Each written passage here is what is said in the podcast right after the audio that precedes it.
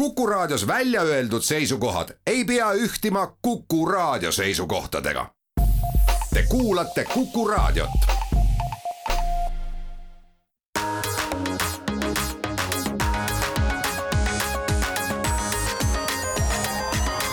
digitund. on esmaspäev, kahekümne viies aprill. Kell on seitse minutit üksteist läbi ja algamas on Digitunni saade. stuudios on meil Mait Tahvenau, Indrek Vaheoja ja mina olen Andrus Raudsalu. ja saate teises pooles liitub meiega külalisena ka Andre Visse, kes on Telia tehnoloogia direktor ja me räägime 3G võrkude kadumisest ja räägime siis ka nendest teistest G-dest, mis asemele tulevad.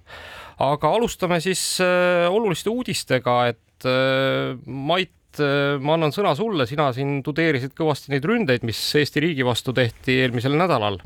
Ja kas nüüd just tudeerisin, aga ühesõnaga tõesti meil neljapäevast alates oli suurem hulk äh, ründeid Eesti riigi erinevate teenuste vastu, et noh, ma usun, et keskmisel eestlasel ükski teenus õnneks nagu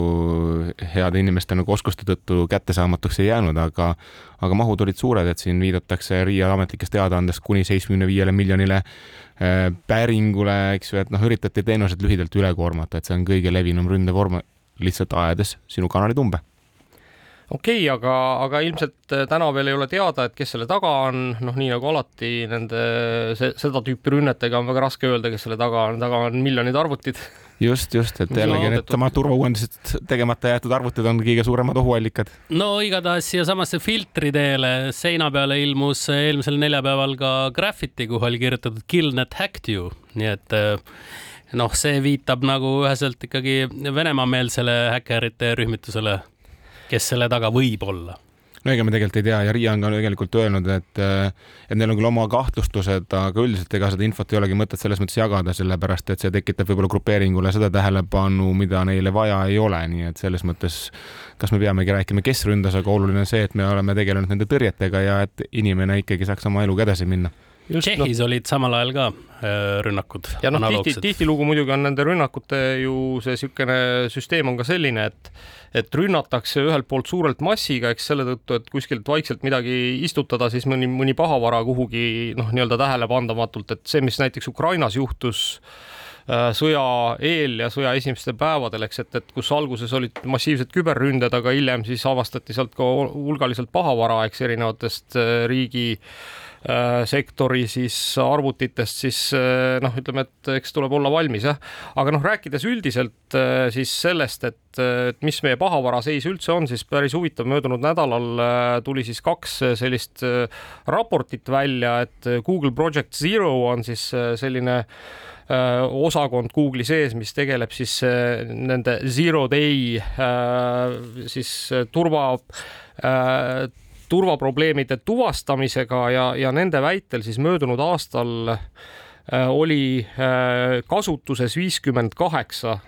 siis nullpäeva turvanõrkust ja, ja, ja siis konkureeriv ettevõte Mandiant väitis, et lausa kaheksakümmend ja noh, kui me nüüd räägime, et mis need nullpäeva turvanõrkused on, et siis on, need on need, need siis sellised Äh, nii-öelda süsteemis olevad vead, mida ei ole veel parandatud ja millest, millest tihtilugu ei olda ka teadlikud, nii et äh, ja noh, kusjuures, mis, mis muuseas ka Mandianti andmetel oli niisugune äh, kasvav trend, et kasutati ka nii-öelda esimese päeva ja teise päeva turvanõrkusi ehk need on siis need, mis tegelikult on juba teada, aga mille, mille parandused ei ole, mille parandusi inimesed ei ole oma arvutitesse või, või noh, muudesse süsteemidesse siis sisse viinud, et, et noh, me siin nüüd jätkame seda äh, katkise plaadi leierdamist, et niipea kui tuleb teie telefonile või arvutile või mingile muule seadmele uuendus, siis tehke see uuendus kindlasti ära. Siit võib edasi rääkida, et Androidide telefonidel oli siis äh, välja tulnud üks uus turvaauk, kus siis äh, ründevektoriks oli see, et teile saadeti audiofaile, et kuula midagi põnevat ja selle abil, et te kuulasite, oli võimalik ligi saada siis telefoni kaamerale ja mikrofonile, et, et sellele parandused on välja tulnud juba. ja noh, kui telefoni uuendused tulevad, ikka tehke need ära ja kusjuures see on, see on iseenesest noh, ütleme, et ikkagi täiesti nagu noh, midagi uut on ju, et, et, et, et siiamaani nagu läbi audiofaili minu teada ei ole küll süsteemidesse sisse suudetud murda. üsna ebatavaline ka, et noh, sa ei ootaks, et muusikat või audiot kuulates, eks ju, võiks keegi mind rünnata, noh, see noh, väga raske, ma ei oleks ka, ma oleks arvanud, et see on väga turvaline tehnoloogia, nojah, lõppkokkuvõttes on see, et see audiofail on ilmselt kuidagi nagu siis äh, vastavalt formaaditud, nii et koos selle muusikaga saabub siis ikkagi mingisugune käsurida ka sellel, äh, mis, mis siis äh, avab nii-öelda ligipääsu mikrofonile ja kaamerale ja aga siit võiks edasi minna kohe põnevatel Google'i teemadel, et äh, alates esi, esimese, üheteistkümnendast maist äh,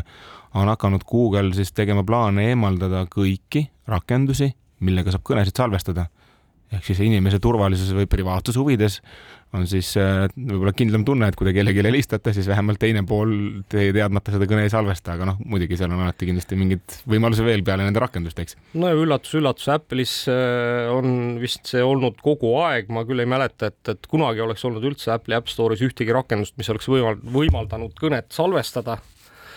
äh,. nii et et äh, noh, ütleme, et eks siis Google jõuab järgi, aga see on, see on ka üsna loomulik, sellepärast et et tegelikult äh, noh, kui me nüüd mõtleme ka näiteks Zoom'ide, Teams'ide või mis iganes muude asjade peale, mida me täna ju päris palju kasutame, siis ega ka seal ei ole võimalik nagu ühtegi siis seda nii-öelda kõnet või konverentsi salvestada nii, et keegi ei tea, et te seda teete, et noh, et võib-olla seal telefonis helistades ongi põhiline probleem selles, et kui sa noh, nii-öelda paned oma kõne salvestama ja siis oma kõnepartnerile sellest ei ütle, siis, siis tegelikult on väga raske kindlaks teha, eks, et, et kas seda kõnet salvestatakse, aga noh, iseenesest äh, igasugune selline äh, materjalide tekitamine ei ole lubatud. aga sellel oli mingi möödaviik, et mõni aeg tagasi oli väga levinud mingid siuksed teenused noh, muidugi need olid suunatud valdavalt Ameerika turule, aga sa tegid konverentskõne ja lihtsalt üks telefoninumbritest, kellele sa helistasid, oli siis niisugune nagu salvestusrobot, et ta lihtsalt noh, näed küll muidugi, et see on konverentskõne, aga siis oligi see robot, kes siis salvestas ja pärast salvestust saatis selle faili siis kuidagi sulle. muuseas, muuseas tõsi, tõsi ta on, et olen, olen ise kasutanud äh,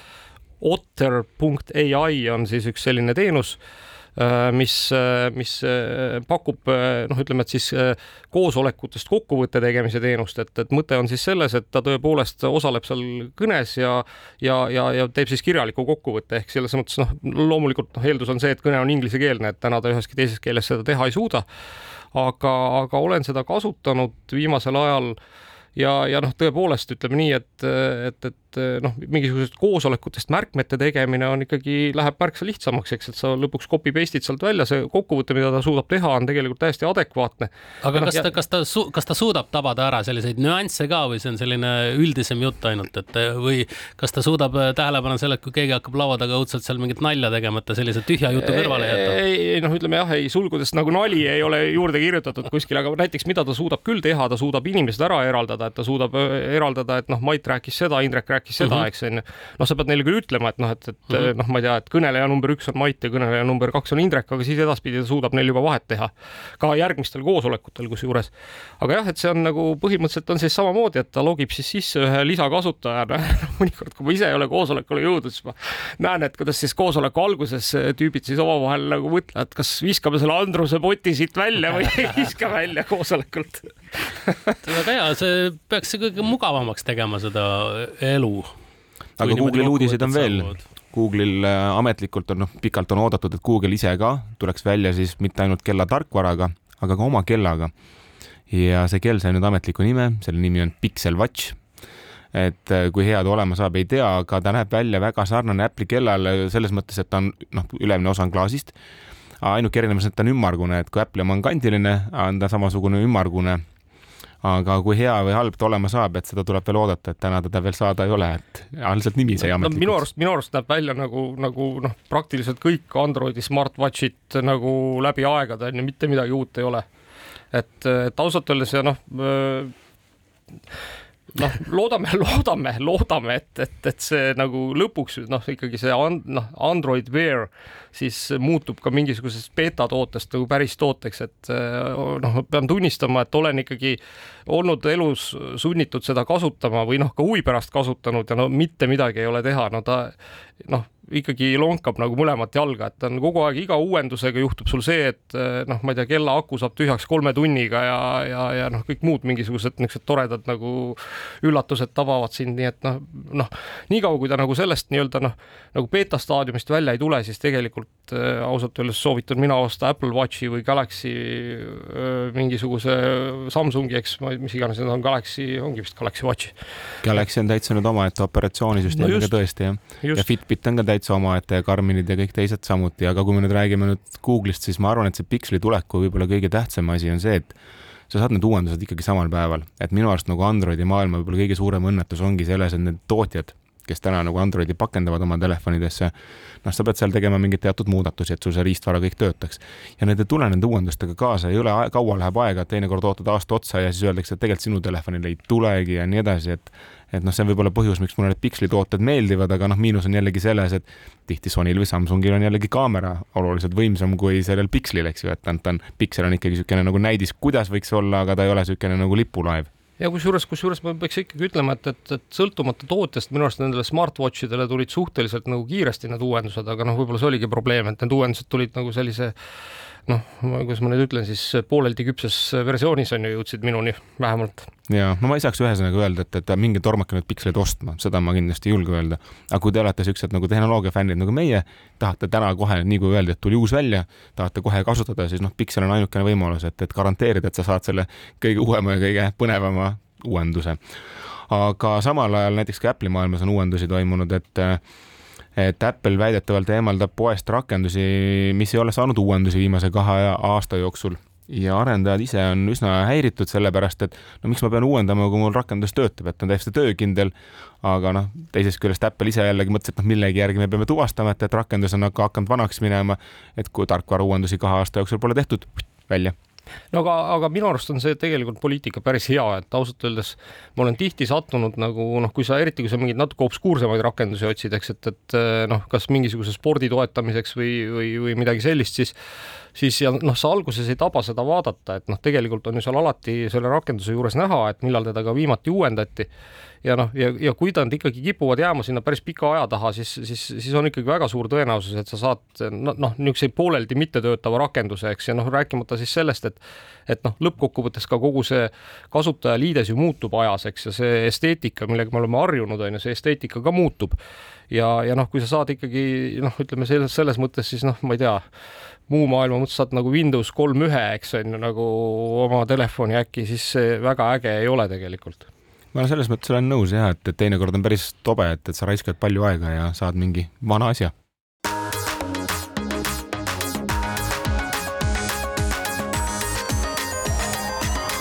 digitund.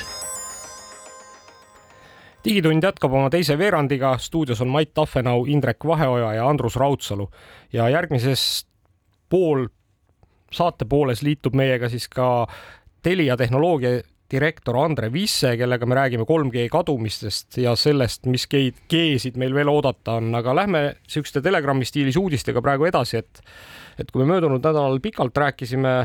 Elon Muski tembutustest ja sellest, kuidas ta siis Twitterit on üritanud osta, siis äh, küsimus oli ka noh, selles, et kas tal ikka tegelikult raha Twitteri ostuks on ja nüüd äh, eelmisel nädalal saabus siis äh, lõplik uudis, et Muskil on raha koos ja Muskil on siis raha koos lausa nelikümmend kuus ja pool miljardit. kui me mäletame, siis ta pakkus nelikümmend kolm miljardit Twitteri eest ja seal selles neljakümne kuues miljardis on siis kakskümmend üks miljardit Muski oma raha ja kakskümmend viis koma kuus miljardit tuleb siis pankade sündikaadilt, mida juhib Morgan Stanley nii et noh, tegelikult täiesti tõsiseltvõetav eh, pakkumine ja noh, ütleme, et kuluaarides on juba ka kuulda olnud seda, et, et kui siis ikkagi alguses Twitteri äh, juhtkond oli täiesti vastu sellele Muski pakkumisele, siis nüüd vaikselt hakkab äkki see jää nagu murenema, aga tõenäoliselt no,. lõhn hakkab juba ikkagi imbuma kontoritesse et siis. et aga noh, tõenäoliselt ma ütlen, et, et see, see show ei ole veel läbi, et, et ootame, ootame järgmise nädalani, ilmselt saame sellest veel rääkida üks äh, kihvt uudis tuleb meieni Jaapanist, kus siis äh, Meiji ülikooli äh, teadlased on leiutanud elektrilised söögipulgad, mis on siis ühendatud väikese randmele käiva kompuutriga. Ja need söögipulgad siis võimaldavad soola maitset umbes poolteist korda võimendada, et jaapanlastel nagu ka paljudel teistel arenenud maailma inimestel on probleem siis sellega, et süüakse igapäevaselt liiga palju soola ja need pulgakesed siis peaksid aitama siis noh, kunstlikul moel seda soola maitset võimendada niimoodi, et organism tegelikult soola sisse ei söögi. et iseenesest tuleviku mõttes väga kihvt Äh, väga kihvt uudis no,. Ja... mina, mina, mina muidugi ootaks seda, et tuleb ka nuga ja kahvel on ju, mis sedasama asja teevad. või lusikas jah, ja, ja, ja, ja lõpuks ka lusikas, mis ka suhkru maitset võimendab, on ju, et suhkrut sisse ei söö. aga muide, sellesama professori tiim on siis omal ajal leiutanud ka sellise äh, lakutava ekraani, kust on võimalik ka maitse, muid maitseid tunda, nii et noh, sihuke omamoodi sihuke toidusüntesaator või midagi sellist. lakume oma telefone ja vaatame, kui soolane on. eks ole, eks ole, noh, kui ainult soolase peale jääb, siis siis võib-olla ei viitsi, aga kui muud maitsed ka tulevad, siis nagu tekib suurem huvi. aga terviseteemadele jätkates, et inimese võimetel ei ole piire, et ultrajooksja võttis ette challenge'i, kus siis vaatas, et kumb võidab, et kas ennem saab Tesla aku otsa kui tema või vastupidi ja, ja juhtus nii, et eh, ultrajooksja ju ikkagi suutis ületada Teslat seitsekümmend kuus tundi jooksu ja distants tuli pikem. No vaata, vaata, inimesed on tublid aga, aga, aga mina hoopis suunduks siit nende Telegram uudistega natuke mängumaailma, et on üks, on turule tulemas või õigemini jõudnud nüüd siis väidetavalt teda juba on siis võimalik ka kätte saada, kui sa oled teda ette tellinud. alates möödunud nädalast siis uus, täiesti uus mängu konsool või, või ma ei tea, siis pihuarvuti, kuidas, kuidas me teda nimetame, noh, kui te mäletate sellist äh, moodustist nagu GameBoy, siis ta on üsna GameBoy analoog Äh, selle vahega, et tal on siis äh, mustvalge ekraan ja tal on vänt ja tegu on siis äh, mängukonsooliga nimega Panic Playdate, mida siis umbe noh, natuke vähem kui kahesaja dollari eest saab endale tellida. saad spinningut loopida no vot jah, ütleme, et selles mõttes, et tõsi on, et, et see vänt ei ole mitte selleks, et teda kuidagi üles keerata või elektriga varustada, noh äh, nagu siin näiteks ma tean, et Eestis on populaarseks muutunud vändaga raadiod, eks, mida, mida on siis sellest vändast võimalik laadida. et siis see vänt on ikkagi noh, nii-öelda mängudesse integreeritud lisakontroller, et mida, mida siis teistel kellelgi pakkuda ei ole, tõepoolest ma ei tea, ma jään vastuse võlgu, et kas seal spinningut saab loopida, aga ilmselt midagi sarnast saab seal teha. kakskümmend neli mängu on Just. seal olemas ja siis hakkab ütleme iganädalaselt äh, saad kaks uut mängu juurde, et alguses, kui sa selle väikese aparaadi endale saad, seal on kaks mängu sees ja siis hakkab iganädalaselt tuleb kaks mängu juurde. aga on tootjad ka ikkagi loonud seal võimaluse, et sa võid seal ise oma mänge hakata konstrueerima, kui on huvi. nii et kes nagu siis saab spinningu retro... mängu igal juhul teha, eks ju. teeme ära oma digitunni spinning kes retromängude vastu huvi tunneb, siis äh, kindlasti tasub vaadata, muuseas äh, interneti aadress on ka väga tore, play.date võime pärast oma Facebooki lehele panna saate vaadata. ja muide, mängudest rääkides on tulemas Ghostbustersi virtuaalreaalsuse mäng Oculus kahe jaoks, et treilerid on olemas, et selle paneme ka äkki sinna samale lehele, et saate vaadata, kas see on see mäng, mida te olete kogu aeg virtuaalreaalsusest oodanud või mitte. mina, mina muidugi ootaks seda Ghostbustersi mängu pigem liitreaalsusest, et see oleks palju põnevam. et sul oma seina seest hakkavad tulema mingid kollid välja. see virtuaalreaalsuse mäng, noh, ausalt öeldes vaadates, vaadates selle neid treilereid, siis äh, noh, kahjuks tuleb tõdeda, et ega seal nüüd nagu mingisugust niisugust valgusaastast pikkust hüpet ei ole tehtud selles mänguarenduses, et, et on need pildid ikkagi sellised üsna noh, tuum üks punkt null sarnased. aga ma väga loodan, et see ikkagi jõuab sinnani, et seda liitreaalsust tuleb rohkem ja ma arvan, et see Ghostbusters võiks päris lahe olla liitreaalsusena. et muide, Amazon näiteks just eelmine nädal andis teada, õigemini nemad ei andnud teada, nad otsivad tiimi inimesi, kes ehitaks ka samuti AR ja VR device'e, et neid tuleb järjest juurde ja mulle tundub, et see on aja küsimus, millal see turul on esiteks neid seadmeid palju ja teiseks ka neid rakendusi palju, mida päriselt nagu selle tehnoloogia kõike peale võiks hakata kuulge, aga rääkides, rääkides üldse nüüd siis nagu nii-öelda enese lõbustamisest ja aja veetmisest, siis äh, minu arvates ikkagi täiesti nagu oluline uudis saabus meile möödunud nädalal Ühendkuningriikidest, kus siis äh, on vastu võetud siis esimesed regulatsioonid isesõitvatele autodele ja noh, loomulikult äh, ütleme, et nüüd see, need regulatsioonid puudutavad siis neid autosid, noh, millega te saate näiteks äh, traffic jam ides nii-öelda venida, on ju, ja siis auto ise liigub edasi, eks, et, et mitte neid, kus äh, noh, te võite tagaistmele magama minna, siis kui auto sõitma läheb. Aga, aga tore on siis see, et, et mida võib teha ja mida ei või teha ja on siis otsustatud, et juht võib filme vaadata. oo, nii et pane Netflixi käima. põhimõtteliselt võid Netflixi käima panna ja autos siis Netflixi vaadata, kui auto ise seal näiteks mööda siis seda äh, ussina venivat aeglast äh, traffic jam'i venib, aga, aga mis on naljakas, et telefoniga rääkida jätkuvalt ei tohi huvitav, kumb hullem on, et kas see, et ma vaatan filmi või see, et ma räägin telefoniga no,? mine tea, ma olen ka alati mõelnud seda, et aga noh, võib-olla on nagu see, et näiteks helistab sulle keegi ja sa saad näiteks telefoniga rääkides vihaseks, hakkad autos märatsema, eks on ju noh, ma ei tea, vajutad pedaale on ju kontrollimatult midagi sellist. rääkida võib hands-free'ga, see on ju no vot, mine tea. no see on ilmselt sama ja aga... hands-free'ga ikka võid, aga lihtsalt kätte võtta ja seal rullida kõvasti telefonis, seda ei too, et mm -hmm. siis mhm. kaob see tähelepanu ära. aga kaks erinevat asja või, või olulist asja veel, et, et mis noh, väärib mainimist, on see, et, et esiteks väga selgelt on siis selles regulatsioonis otsustatud, et kõik nende isesõitvate autode tehtud avariid peab selgelt kindlustus kinni maksma ja juhil ei ole mingit vastutust, noh eeldusel siis ilmselt, et ta ei ole seal teinud midagi lubamatut, näiteks telefoniga rääkinud ja, ja, ja, ja teine on ikkagi see nende selge arusaam, et esimesed sellised isesõitvad autod, kes sellele regulatsioonile vastavad, peaksid ikkagi Ühendkuningriikide teedele jõudma juba selle aasta sees. nii et äh, palju õnne kõikidele Ühendkuningriikide autojuhtidele ja noh, tõenäoliselt palju õnne siis ka Netflixile, kes ilmselt äh, oma kasutajaskonda saab kõvasti suurendada. vot Netflixist peamegi rääkima, et ma ei ole kindel, kas õnne neil on vist on väga vaja, et, et praegu eelmine nädal on toonud Netflixi ikka väga palju turbulentsi ja äkki natuke suumimegi sinna sisse, et et äh, esimene asi oli see, et äh, nende aktsia hind kukkus, eks ju, suures mahus ja tänu sellele need uudised tuli Netflixi lainelt nüüd igast nurgast, et ühest küll teenustest, mis nad juurde toovad, viisidest, kuidas nad raha tahavad saada ja väga palju ikkagi räägitakse sellest, kuidas nad kaotavad kasutajaid. hakkame ikkagi sellest pihta, et miks see aktsia hind kukkus. jah Kasut..., kes sõna võttis selle koha pealt, tuletame meelde et noh, tegelikult, tegelikult on ju see, et mis siis juhtus Netflixiga, on see, et esimest korda ajaloos Netflixi kasutajate arv vähenes ja vähenes noh, küll kahesaja tuhande võrra kvartalis ja kui me nüüd mõtleme selle peale, et Netflixil on kakssada kakskümmend kaks miljonit kasutajat, siis protsentuaalselt see kukkumine nagu väga suur ei olnud tõsi küll, äh, juba nad ise ennustavad seda, et ka nüüd siis selles kvartalis äh, toimub kukkumine veelgi ja ennustavad umbes kahemiljonilist kukkumist, noh, mis ka protsentuaalselt ei ole väga suur, aga noh, ütleme, et ikkagi märkimisväärsem kui kakssada tuhat. aga noh, see oli tegelikult see noh, nii-öelda, kui sa oled nagu kogu aeg kasvanud, noh, meenutame, Metaga juhtus ju täpselt sama asi, eks. et esimest korda, kui Facebooki kasutajate arv kukkus, noh, ma, see oli ka vist ikkagi mingi promill on ju lõppkokkuvõttes, siis, siis tegelikult tuli sellest väga suur ja noh, ütleme, et ebaproportsionaalselt suur aktsiahinna langus, nii et eh, noh, sama on tabanud Netflixi aga eks nad optimeerivad seda nüüd kõvasti, et on rääginud igasugustest tegevustest, et ühest küljest äh, mingit sisu pidi hakkama kaduma, eks ju, et nad optimeerivad ka seda sisu tootmist, aga samas mingid kuulsamad sarjad on ikkagi kindlad, et need jäävad jätkuvad, et need Squid Game'id ja, ja. Squid Game, siis äh, Witcher jätkub kindlasti ja ja teised siin. Stranger Things. Stranger Things juba on tulemas järgmine, järgmine hooaeg aga nojah, et ega tegelikult, kui sa vaatad, et kõikide nende teenuste noh, ikkagi põhileib on see, et kas sul on pakkuda mingisugust nii-öelda noh, seda triple A nagu priority'ga asja, eks, et, et see, et, et sul on seal ka mõni Poola sari või, või mõni Poola film või noh, mida siin Eesti Netflixis näiteks näha võib, on ju, et noh, tore on vaadata küll ja noh, ega Poola kino on tegelikult olnud läbi, läbi ajaloo, eks väga hea, noh, Poola ongi väga tugev kinomaa, aga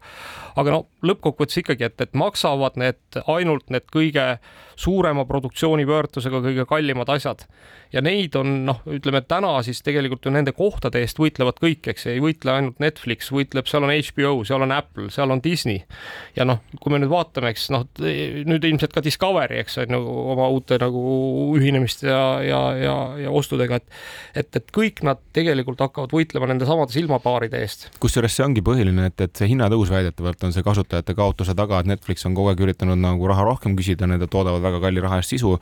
ja teised suured tootjad, kes niikuinii on seda sisu tootnud ja klassikalise mudeliga müüvad neid edasi, on oma teenustega tulnud paremate hindadega ja nüüd Netflix samal ajal üritab leida siis lisaraha võimalusi, et, et räägitakse nii reklaamiga Netflixist, ehk siis vaatad reklaami ja saad natukene odavamalt paketi ja samuti räägitakse ikkagi jätkuvalt sellest, et kui te jagate oma Netflixi kontot, siis teile tuleb mingil hetkel lisaarve selle eest, et see teine konto siis eh, saaks jätku, jätkuvalt seda Netflixi sisulis ligi. No ma tahaks küll näha neid inimesi, kes, kes ikkagi hakkavad, on nõus Netflixis reklaami hakkama vaatama, ma küll ei usu, et no kui palju see hind siis odavamaks läheb või ma ei tea, kui palju, mina isiklikult küll ei oleks nõus nagu, et noh, maksan natukene vähem, mitte ma ei tea, kümme eurot selle konto eest, vaid kuus ja siis vaatan reklaami või? ei, kindlasti aga mitte. aga ära, ära ütle, Ameerika maal muuseas see nii-öelda reklaami poolt toetatud äh, video vaatamine internetis on nagu kõige kiiremini kasvav segment hetkel, nii et nii et noh, ega seal on ka täiesti võimalik see, et sa ei maksa üldse mitte midagi ja vaatad lihtsalt väga kõvasti reklaami, eks, et, et see no. variant mulle meeldib veel vähem. Aga tead, seal on kaks poolt, vaata, et kui sa nagu mõtled, et Netflixile nüüd, kas ma annan kaksteist või ei anna, samas kui sa mõtled, et sul on vaja HBO-d, sa tahad Disneyt, eks ju, sul tegelikult see pakett kokku on ikka tegelikult päris märkimisväärne summa. Ja selles valgus võib juhtuda, et sa tegelikult vaatad, et ma Netflixi eest maksta ei taha, aga aeg-ajalt mõne sarja vaataks siis kasvõi reklaamidega nojah, ütleme, et äh, mine tea, ma arvan, et neid inimesi ikkagi on, aga, aga, aga jah, ütleme, et, et äh, soovime siis õnne ka kõigile neile umbes sajale miljonile inimesele, kellele on jagatud net, net, Netflixi ligipääsud kellegi teise poolt mm. maailmas ja, ja noh, ütleme, et anname siis teada, et varsti on nende sõpradele oodata lisaarvet.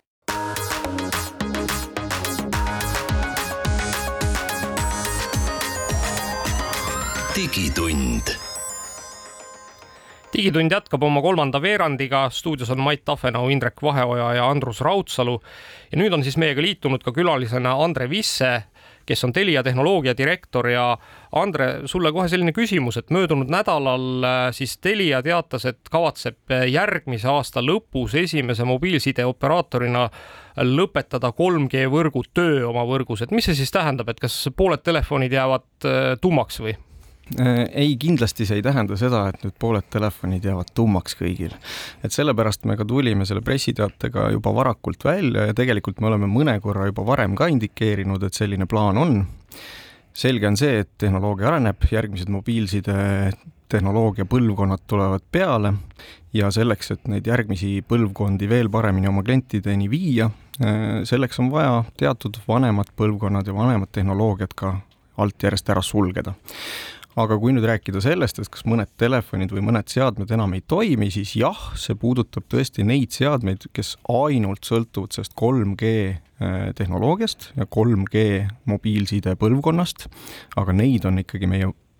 võrgus võrdlemisi vähe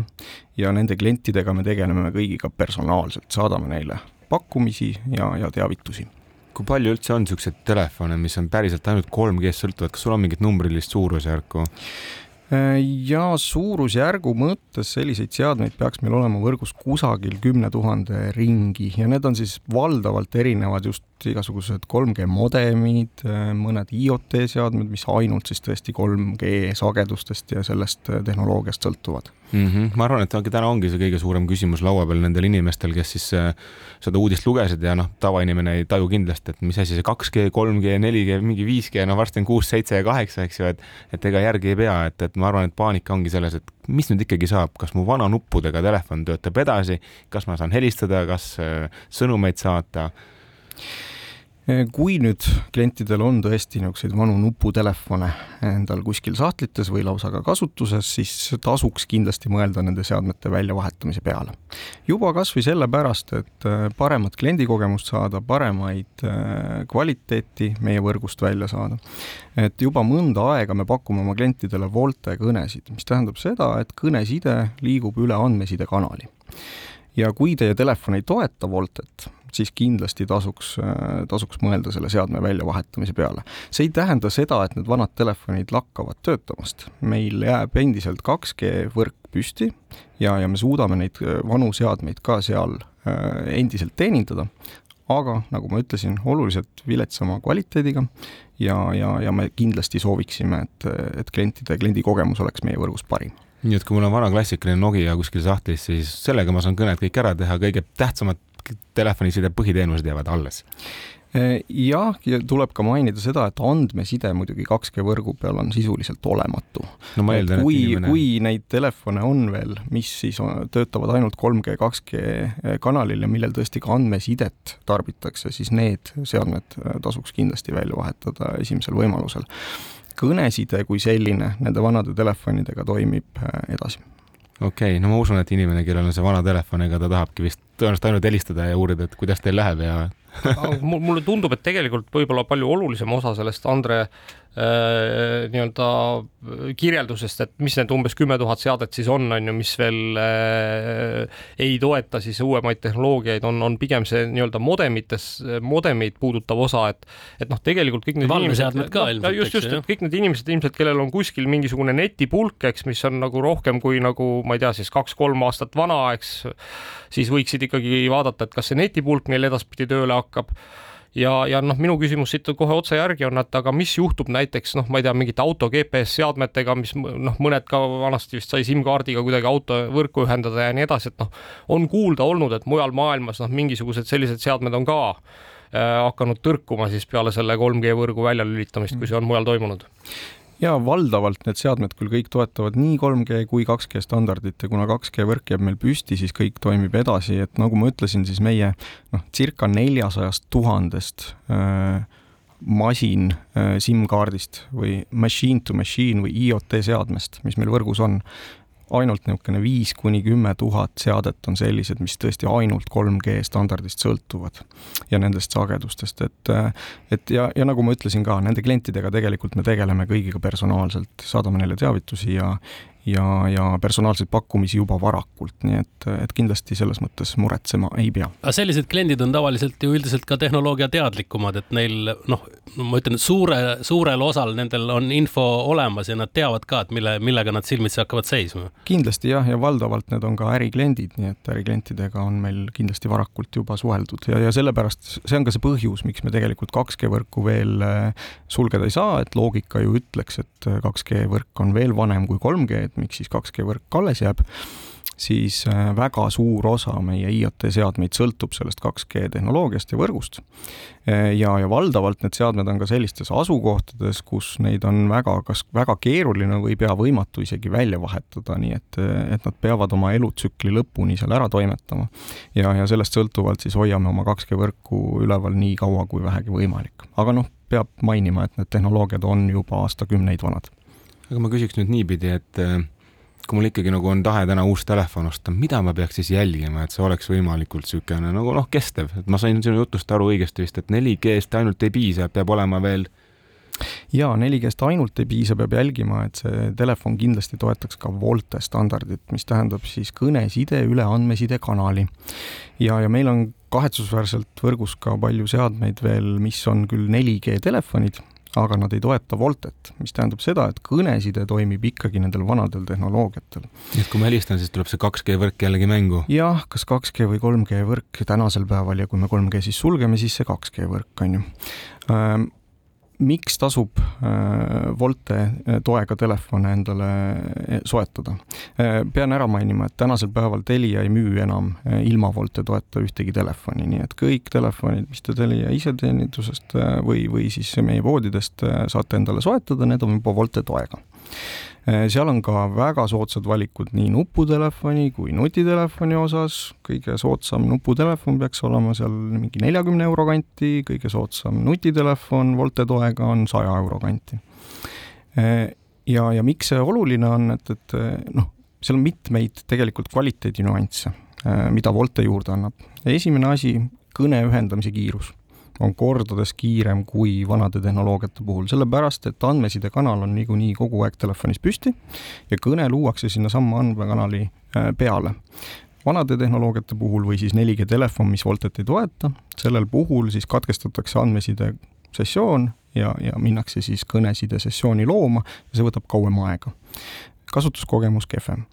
ja teine asi, kõne kvaliteet on ka Volte puhul oluliselt parem kui vanade tehnoloogiate puhul. nii et, et seal on palju kvaliteedi niisuguseid äh,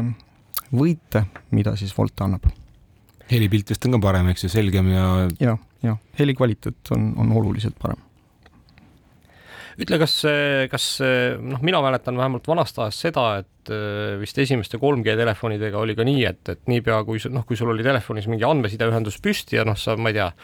minu pärast kasvõi tõmbasid mingit faili või tegid midagi, eks on ju. ja niipea kui kõne sisse tuli, siis tõmmati see andmesideühendus kohe maha, on ju, et, et Just, ja kõik asjad katkesid ära, et, et kas nende Volte telefonidega vist seda enam ei juhtu või? Volte telefonidega seda enam ei juhtu, kuna see kõne käibki üle sellesama andmesidekanali, et samal ajal, kui kõne on püsti, saab rahulikult veebis surfata ja, ja muude tegevustega tegeleda, seda ma muidugi kellelegi ei soovita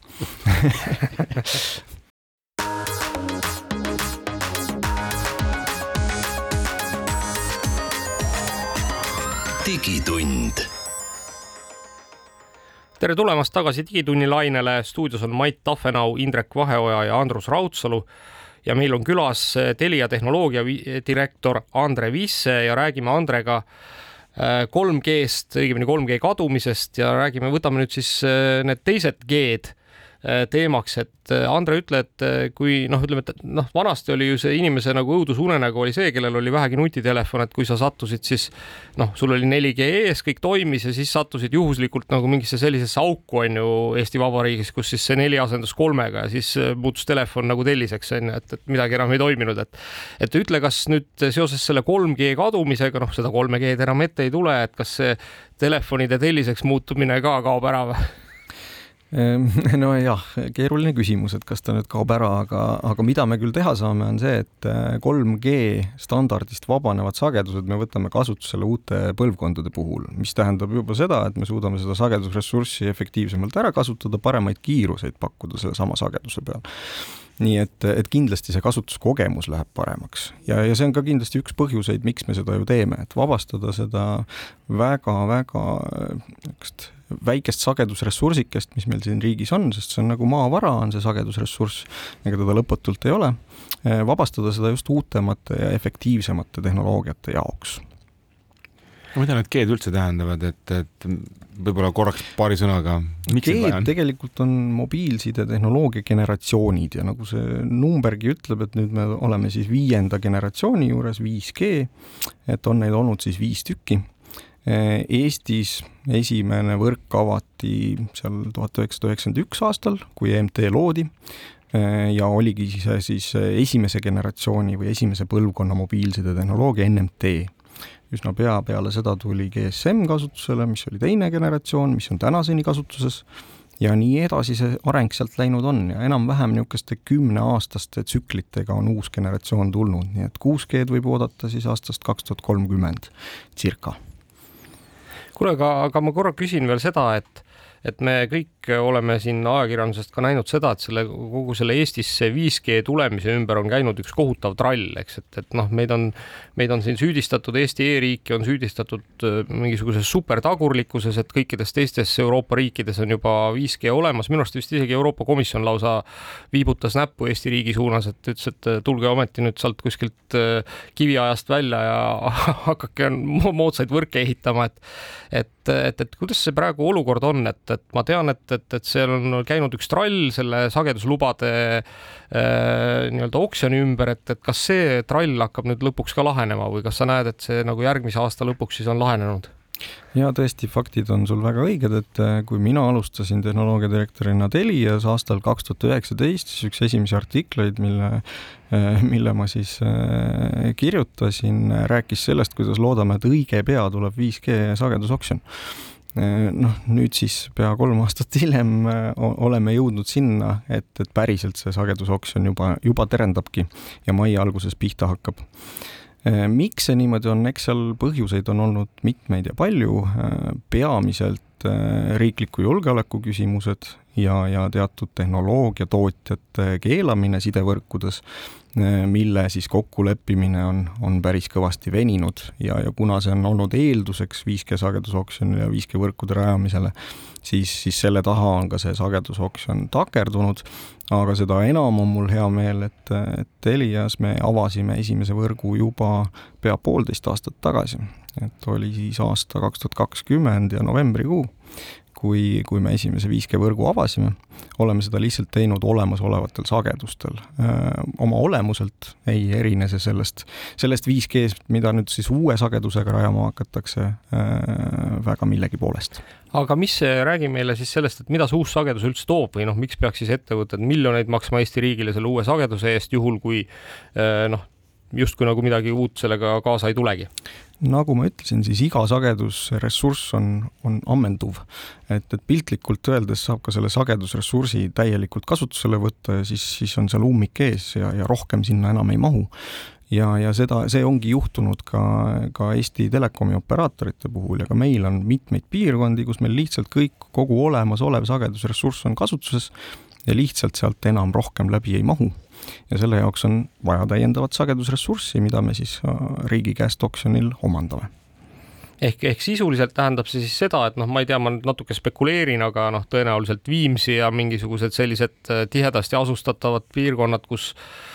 kus äh, noh, ilmselt kõik kasutavad mobiilset andmesidet, et siis seal võiks minna elu paremaks peale seda, kui see 5G oksjon on läbi ja, ja, ja need sagedused välja jagatud.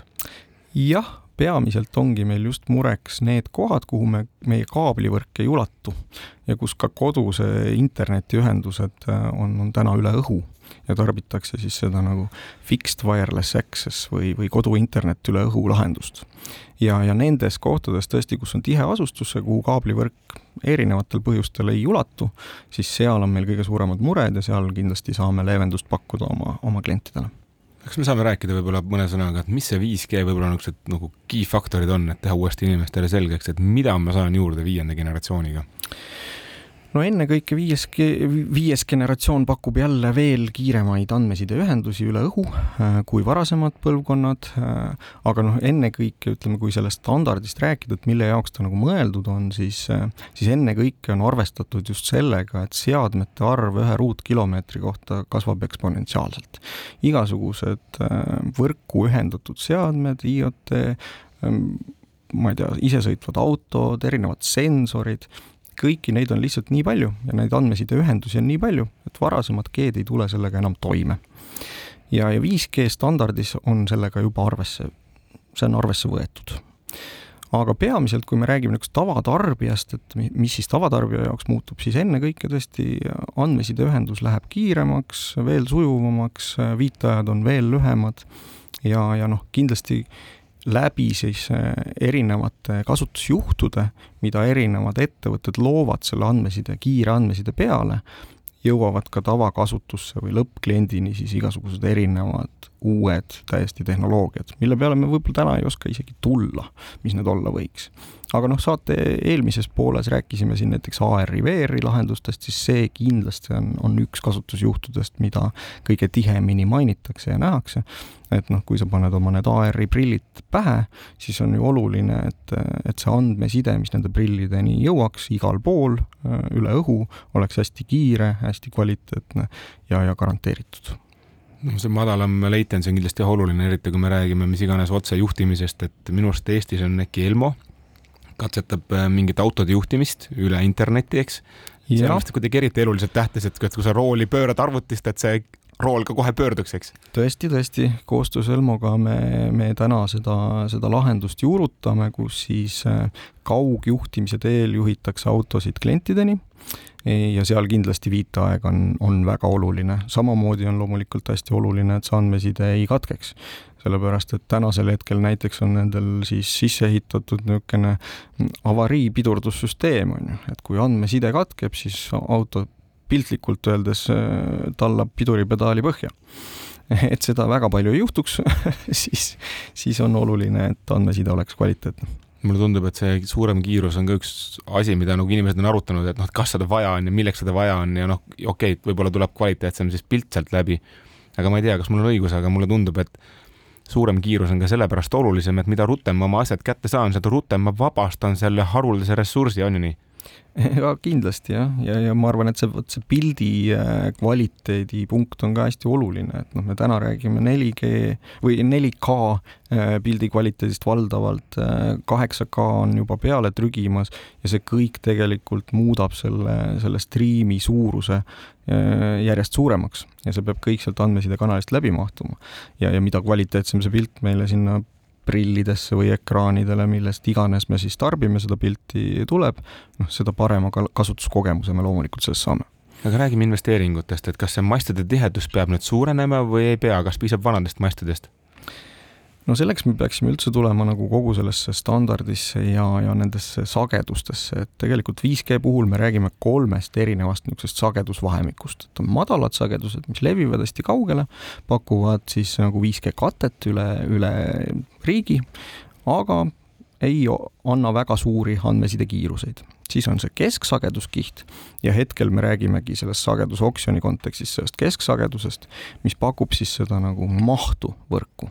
ja mis on niisugune põhi äh, mobiilse andmeside äh, kasutusjuhu jaoks äh, sagedusvahemik. ja siis on veel ka ülikõrge sagedusvahemik.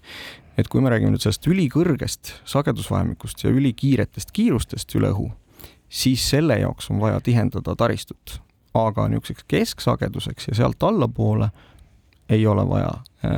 siis võrku tihendada ehk sisuliselt me saame aru, et, et, et, et, et seesama võrk, mis täna juba olemas on, see jääb toimima, äh, tõenäoliselt läheb natuke paremaks levi mõnedes kohtades, seal, kus siis 3G alt vabastatakse sagedusi ja antakse, antakse neid siis kas 4 või 5G-le kasutada. Äh, ütle, kas, kas sa täna oskad öelda, et, et kui suur osa Eestimaast on üldse kaetud? Äh, väga suur, äh, see protsent jääb üle üheksakümne üheksa protsendi, üheksakümmend üheksa koma kuus protsenti meie puhul on, on katvus. et ehk siis tegelikult väga suur osa territooriumist. no siinkohal siis õnnitleme kõiki Telia kliente, kes võivad igal pool Eestimaal 5G-d ja 4G-d kasutada ja oleme sunnitud oma saate, saate tänaseks lõpetama, kohtume teiega nädala pärast, aitäh, Andre, et olid meiega ja kõike head kuulajatele.